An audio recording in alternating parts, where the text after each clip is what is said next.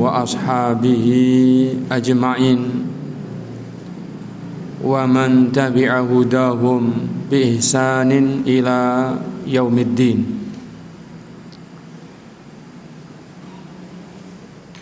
فلا حول ولا قوة إلا بالله العلي العظيم Segala puji haknya Allah tabaraka wa taala dan hanya kepada Allah kita memohon pertolongan agar kita bisa menunaikan perkara-perkara dunia kita dan juga bisa menunaikan urusan-urusan agama kita. Dan kita bersolawat dan bersalam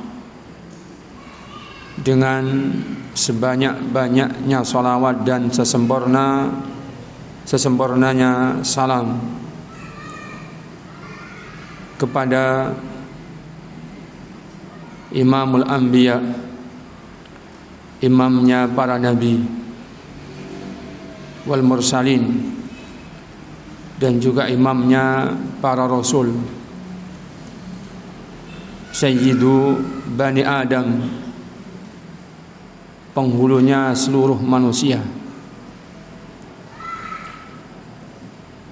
Afdalul khalqi. Seutama-utamanya Makhluknya Allah Azza wa Jalla dari kalangan manusia. Yaitu baginda Nabi Muhammad sallallahu alaihi wasallam. Qudwatan wa uswatan linnasi amatan. Sebagai teladan dan uswah hasanah bagi manusia seluruhnya. Dan uswah hasanah lil mu'minina al muttaqin khasatan.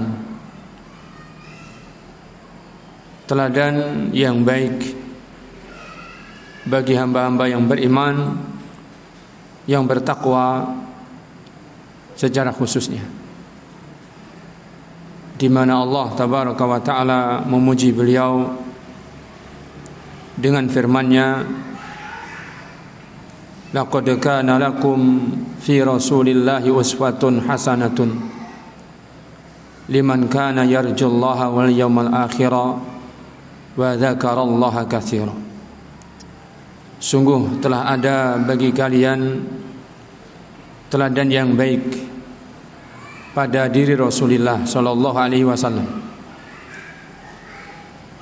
Bagi orang-orang yang berharap keberuntungan dengan pahala dari Allah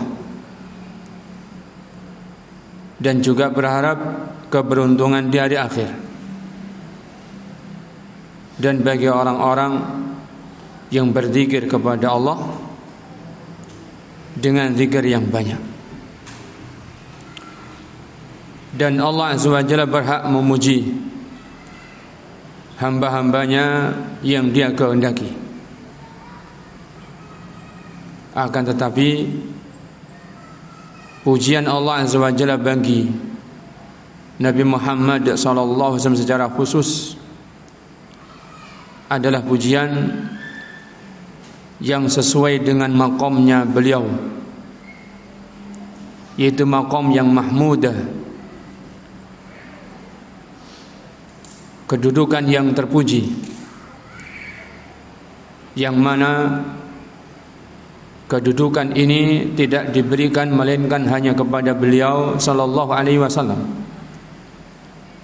di mana seluruh panji-panji nanti di hari kiamat yang dibawa oleh setiap nabi dan rasul ada di bawah panjinya nabi sallallahu alaihi wasallam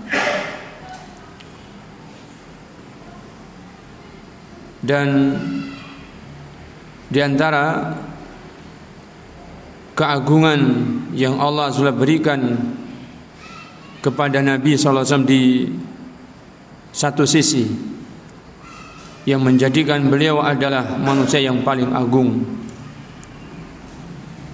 adalah akhlak dan budi pekerti beliau yang begitu agung. Allah Azza wa Jalla menegaskan wa innaka la'ala khuluqin azim. Dan sesungguhnya engkau ya Muhammad benar-benar seorang hamba yang ada di atas akhlak yang agung. Para ulama sepakat tidak ada yang berhak untuk dijadikan teladan kecuali mereka-mereka yang memiliki keagungan dan semua keagungan, semua kemuliaan oleh Allah sudah diberikan kepada baginda Nabi sallallahu alaihi wasallam. Sehingga sempurna sudah. Beliau adalah uswah teladan yang baik pada semua sisi-sisi peri kehidupan beliau sallallahu alaihi wasallam. Sehingga tidaklah ada yang menghina yang melecehkan keagungan beliau sallallahu alaihi wasallam melainkan orang-orang yang sakit hati. Yang apabila mereka tidak segera bertaubat dari sakit hati yang ada pada diri-diri mereka dikhawatirkan tidak semakin sembuh akan tetapi semakin ditambahkan sakit pada hati mereka jika hati sudah sakit dan akan bertambah terus sakitnya sebagaimana jasad akan bisa mengalami kematian. Dan kematiannya jasad tidak lebih bahaya dibandingkan kematiannya hati. Itulah sifatnya orang-orang munafik. Itulah sifatnya orang-orang munafik yang di dalam hati mereka ada penyakit tetapi mereka tidak mengobati sakit hatinya. Seolah-olah mereka justru rela dengan sakit yang ada pada hatinya. Sehingga dibiarkan hatinya berpenyakit sehingga oleh Allah SWT pun ditambahkan sakit di atas sakitnya. Allah SWT menyebutkan fi qulubihim maradun fazadahumullahu marada di hati mereka itu ada sakitnya. Ketika mereka tak peduli dengan sakitnya hati mereka yang berupa nifak diingatkan dengan kebenaran mereka menolaknya. Hendak dibersihkan dan disucikan hatinya dengan wahyunya Allah tabaraka wa taala tapi tidak pula diterimanya. Fazadahumullahu maradan maka Allah tambahkan di atas penyakit yang ada pada hati mereka tersebut maradan sakit yang lain. Apabila sakit ditambah dengan sakit maka semakin parah sakit ini. Dan para ulama menyebutkan sakit hatinya pada orang-orang munafik ini hubungannya dengan keyakinan mereka. Karena keyakinan ada di dalam hati. Apabila nifak sudah ada di dalam hati menjadi keyakinan maka disebutlah sebagai nifak i'tiqadi. Keyakinan-keyakinan yang menyimpang tentang iman keyakinan-keyakinan yang keliru tentang Islam sehingga meyakini perkara yang bertentangan dengan yang hak. Sehingga yang baik dikatakan buruk. Sehingga yang hak dikatakan batil. Sehingga yang mungkar dikatakan yang ma'ruf. Yang ma'ruf dikatakan mungkar. Maka keyakinan i'tiqadi atau nifak i'tiqadi adalah kufrun adalah kekafiran dan para ulama menyebutkan nifak i'tiqadi adalah lebih berbahaya bagi orang-orang yang beriman.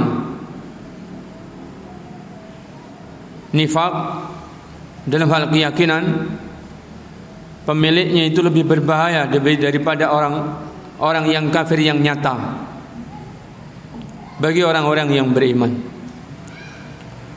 Yang demikian menunjukkan bahwa penyakit nifak i'tiqadi adalah penyakit yang sangat berbahaya.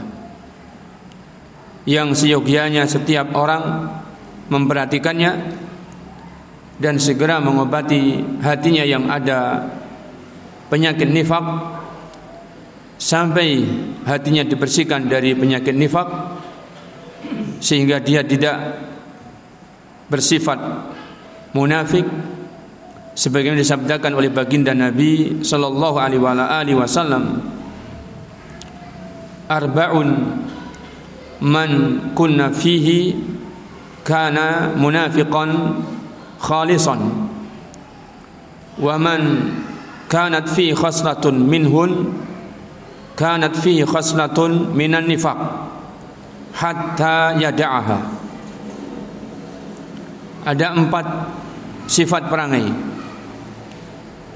yang barang siapa yang empat sifat perangai ini ada pada seseorang maka dengannya dia benar-benar munafik tulen. Dan barang siapa yang pada dirinya ada salah satu dari empat sifat tersebut maka berarti pada dirinya ada salah satu dari sifat nifak itu sendiri sampai dia harus meninggalkannya seluruhnya. Baru dia itu terbebas dari penyakit nifak ini. Idza haddasa kadzaba. Sifat yang pertama jika dia berbicara maka dia berdusta. Dia berbohong dengan kabar-kabar yang dia telah sampaikan. Dia berdusta dengan pembicaraan-pembicaraan yang dia sampaikan. Wa idza wa'ada akhlafa. Apabila dia berjanji maka dia sengaja tidak menepati janjinya. Dia berjanji tetapi dalam keyakinannya dia tidak akan menepati janjinya. Wa idza tumina khana dan jika dia diberi kepercayaan diberi amanah maka dia berkhianat. Wa idza khasama fajara. Dan jika dia cekcok berseteru dengan saudaranya dia berbuat jahat dia berbuat zalim. Ini adalah empat. Di antara sifat-sifat yang sangat berbahaya yang termasuk sifat-sifat nifak atau munafik. Yang apabila keempatnya ini ada pada seseorang, maka menjadi watak dan karakter seseorang. Maka Rasul menyebutkan inilah seorang munafik tulen. Seorang munafik yang sesungguhnya. Dan empat masalah ini, empat sakit ini apabila ada salah satunya atau sebagiannya pada seseorang maka seorang ini adalah mukmin. Akan tetapi dia terjangkit penyakit nifak. Sampai dia harus membebaskan dirinya dari penyakit nifak seluruhnya. Sehingga dia tidak sedikit pun berhak dikatakan munafik. Tapi dia adalah seorang mukmin yang bebas dari nifak. Selagi masih ada salah satu dari empat sifat ini pada dirinya sehingga menjadi karakternya maka berarti dia adalah seorang mukmin yang tidak terbebas daripada nifak ini sendiri. Maka mengetahui betapa bahayanya penyakit nifak yang jika dia telah menjadi keyakinan yaitu nifak i'tiqadi akan bisa mematikan hati. Dan kita tahu tidaklah hati seseorang mati melainkan telah Allah Azza wa Jalla nyatakan dalam Al-Qur'an khatamallahu ala qulubihim Allah telah menutup mati hati mereka Siapa yang Allah sudah tutup mati hati mereka adalah orang-orang yang kafir, orang-orang yang tidak lagi beriman. Menunjukkan bahwa nifak i'tiqadi akan membawa kepada pelakunya menuju kekufuran. Oleh karenanya bahayanya mereka orang-orang munafik karena mereka secara zahir secara penampilan nampak seperti layaknya orang-orang yang beriman. Secara penampakan mereka adalah seperti orang-orang yang beriman. Bisa jadi justru orang menganggapnya dia lebih beriman daripada orang-orang beriman yang sebenarnya. Karena memang ada maksud, ada makar yang sedang direncanakan, yang tentunya makar yang jahat bagi kaum muslimin, makar yang jahat bagi orang-orang yang beriman. Mereka tidak mau Islam ini semakin hari cahayanya semakin bersinar. Mereka tidak senang orang-orang yang beriman mendapatkan kejayaan, mendapatkan kemuliaan. Sehingga dalam hati mereka kebencian itulah yang menjadikan mereka berbuat makar. Kenapa mereka menampakkan dirinya sebagai orang-orang yang beriman? Oleh karena mereka adalah orang-orang yang pengecut, orang-orang yang tidak memiliki nyali. Mereka berani berbuat kepada mereka-mereka yang baik aslinya secara zahir dan secara batin yang orang-orang munafik bisa sembunyi di balik selimutnya mereka. Sehingga orang-orang munafik ini ibarat musuh di dalam selimut. Mereka bernaung di balik selimut orang-orang yang beriman. Mereka berlindung di balik selimutnya orang-orang yang beriman. Tetapi sejatinya ketika ada kesengkap, ada kesempatan, dia akan tikam orang yang beriman ini. Dia akan tikam orang-orang yang beriman yang mereka turut bersembunyi dan berlindung di balik selimutnya. Makarnya orang-orang munafik adalah makar yang sangat jahat. Kejahatan orang-orang munafik lebih berbahaya karena para ulama mensifati mereka penampilannya adalah muslim mukmin. Kenapa mereka disebut munafik dari nafkah? Karena mereka orang-orang yang bisa berkamuflase. Apabila mereka bersama orang-orang yang beriman, maka tampaklah mereka orang yang beriman. Tapi apabila mereka bersama orang-orang yang kafir, maka mereka adalah tampak pula orang-orang yang kafir. Allah SWT menyebutkan tentang masalah ini. Apabila mereka itu bergolongan dengan orang-orang yang beriman, qalu amanna. Mereka mengatakan kami ini beriman sebagaimana kalian beriman. Akan tetapi apabila mereka kembali kepada orang-orang yang tidak beriman, mereka mengatakan kami adalah orang-orang yang hanya memperolok-olokkan mereka orang-orang yang beriman. Inna ma'akum. Sesungguhnya kami bersama kalian. Kami bersama kalian yaitu orang-orang kafir. Oleh karena mereka adalah ibarat musuh di dalam selimut, maka bahayanya mereka adalah lebih dibandingkan orang-orang yang kafir yang nyata. Orang-orang yang kafir yang menyatakan dirinya mereka adalah orang-orang kafir yang memang mereka adalah orang-orang kafir yang sehingga diketahui jelas bahwa mereka adalah orang-orang yang menjadi musuh-musuhnya Islam dan musuh-musuhnya kaum muslimin. Sedangkan orang munafik tidak. Dahulu di masa Nabi SAW masih gesang. Di masa beliau masih hidup. Bukan tidak ada orang munafik. Bahkan kita mengetahui bagaimana muamalah yang benar kepada orang-orang munafik dari bagaimana Rasulullah ketika memperlakukan orang-orang munafik. Orang-orang munafik di masa kenabian waktu itu yang ada di Madinah, mereka ada di sop-sop barisan kaum muslimin di dalam sholat. Mereka menyelinap di tengah-tengah kaum muslimin di dalam berjamaah. Akan tetapi mereka adalah orang-orang yang tidak memadamkan cahaya Islam mereka orang-orang yang membuat kerusuhan. Mereka orang-orang yang membuat orang-orang yang beriman yang masih lemah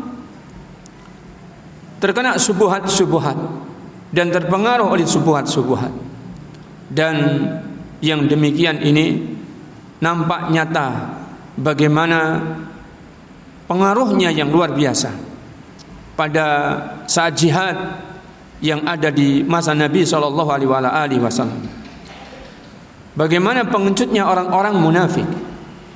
Nampaknya, dohirnya mereka adalah Muslim mukmin. Penampilannya sama dengan penampilan para sahabat. Akan tetapi ketika mereka diajak berjihad, banyak sekali alasan yang mereka buat sehingga mereka tidak berangkat berjihad. Banyak sekali alasan yang mereka sampaikan sehingga dengannya mereka menggembosi semangat sejumlah sahabat yang sehingga terpengaruh sehingga ikut tidak lagi berjalan maju menuju medan jihad. Yang demikian menunjukkan bagaimana benar-benar bahwa sifat munafik adalah ada. Sifat nifak adalah ada di tengah-tengah kaum muslimin. Sehingga apabila demikian kenyataannya kita sebagai orang-orang yang beriman kita harus waspada tidak sekedar mengenali secara zahir tetapi hendaknya mengenali secara batin hendaknya diketahui mana mereka-mereka yang muslim mukmin daripada mereka-mereka yang menyembunyikan kekufuran dan mereka menampakkan keimanan. Memang sulit untuk dibedakan siapa muslim mukmin yang sejati dari mereka yang munafik yang mereka menampakkan iman tetapi menyembunyikan kekufuran. Karena nifak adalah penyakit hati. Akan tetapi Allah Azza wa Jalla Zat yang maha perkasa Zat yang maha mengetahui Niscaya tidak akan diam Tidak ada seorang pun Yang berupaya memadamkan api Islam Memadamkan cahaya Islam Melainkan Allah Azza wa akan bukakan Allah akan singkapkan hakikat mereka Allah Azza wa Jalla Apabila berkehendak Maka Allah Jalla akan tunjukkan setiap orang munafik Dibukakan topengnya di hadapan orang-orang yang beriman.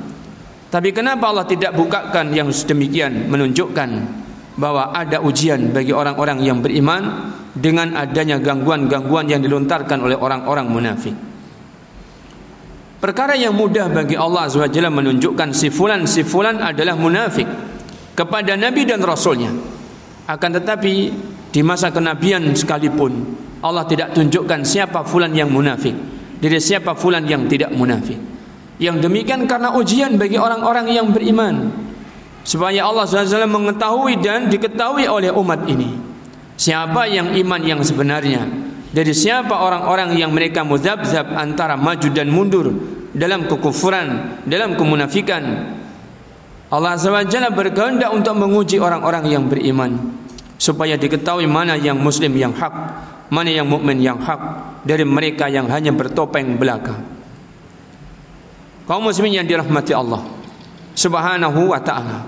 Oleh karenanya apabila Allah sudah menurunkan ayat bicara tentang sifat nifak, bicara tentang bagaimana karakter munafik, maka nampak siapa yang nifak ada pada hatinya dan siapa yang nifak bersih dari dirinya.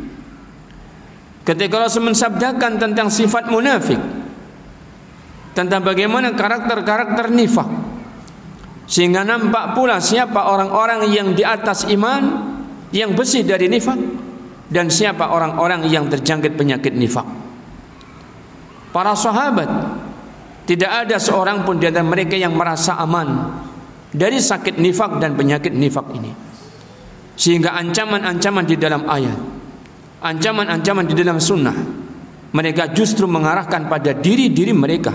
Itulah para sahabat. Sehingga kekhawatiran terkadang adalah tangisan. Itu ada muncul dari kalangan para sahabat yang beriman. Tetapi sebaliknya orang-orang munafik adalah orang-orang yang merasa terbebas dari nifak. Ini bukan saya yang dimaksudkan. Ini bukan kami bukan kita yang dimaksudkan mereka melontarkan ancaman-ancaman kepada justru kepada orang-orang yang beriman. Maka begitulah supaya Allah SWT mengetahui dan diberitahukan kepada hamba-hamba ini siapa yang beriman yang sesungguhnya dari yang tidak beriman. Kaum muslimin yang dirahmati Allah Subhanahu wa taala demikian pula agar orang-orang yang munafik mereka itu tersadar bahwa mereka adalah orang-orang yang senantiasa diingatkan. Dan ketika kelak dimintai pertanggungjawaban maka mereka tak lagi punya hujah tak lagi punya alasan. Karena sesungguhnya peringatan-peringatan telah disampaikan. Ancaman-ancaman juga telah disampaikan.